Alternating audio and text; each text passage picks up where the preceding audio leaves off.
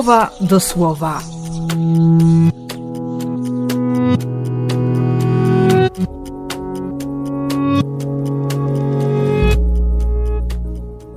Dwudziesty piąty stycznia, środa z Saulem.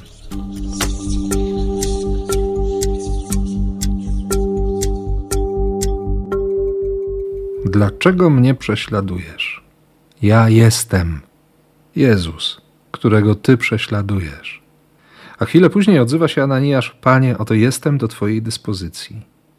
Wstań i pójdź na ulicę prostą, tam w domu Judy, odszukaj Szawła Starsu, który właśnie się modli. Te dwie rzeczy zatrzymują mnie najbardziej w całej historii opowiedzianej przez Pawła w sumie trzy razy. Saul prześladuje Kościół, ale Jezus utożsamia się ze swoim Kościołem. Dlatego później Paweł będzie utożsamiał Kościół z Jezusem. To było dla niego naprawdę wstrząsające przeżycie.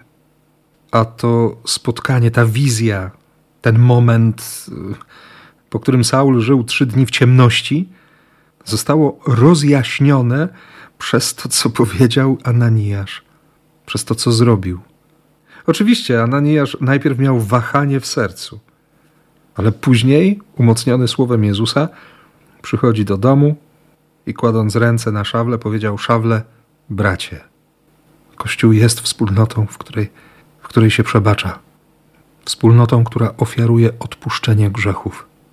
Jak bardzo bał się Ananiasz, co przeżywał Saul, co się później działo w sercach ludzi, którzy, no właśnie, którzy pełni zdumienia mówili, czyż nie jest to ten sam człowiek, który w Jerozolimie prześladował wszystkich odwołujących się do Jezusa? Wprawiał religijnych Żydów z Damaszku w coraz to większe zakłopotanie. Więc dogadali się między sobą, żeby go zgładzić. I to Kościół, uczniowie Jezusa, ewakuowali go nocą, spuszczając na linach w koszu poza obręb murów miejskich. Potem kolejne tygodnie, kiedy, kiedy przyszedł do Jerozolimy, próbował się przyłączyć, ale ludzie wierzący bali się podstępu. Ta wiara Barnaby i, i tak dalej, i tak dalej. No, wszystko dlatego, że Bóg mu zaufał.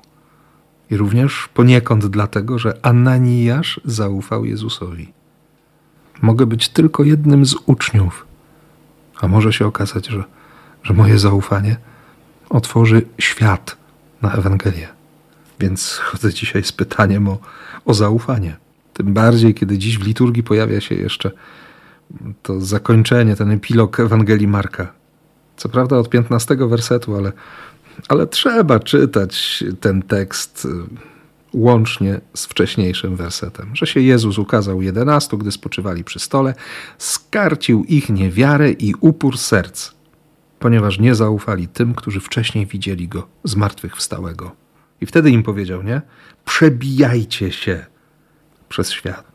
Przenoście dobrą nowinę.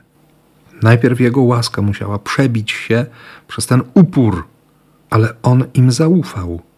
Przecież było tylu lepszych. A Bóg im zaufał, a Bóg nam zaufał. Więc na drogę ogłaszania dobrej nowiny o ratunku w Chrystusie błogosławię Cię w imię Ojca i Syna i Ducha Świętego. Amen.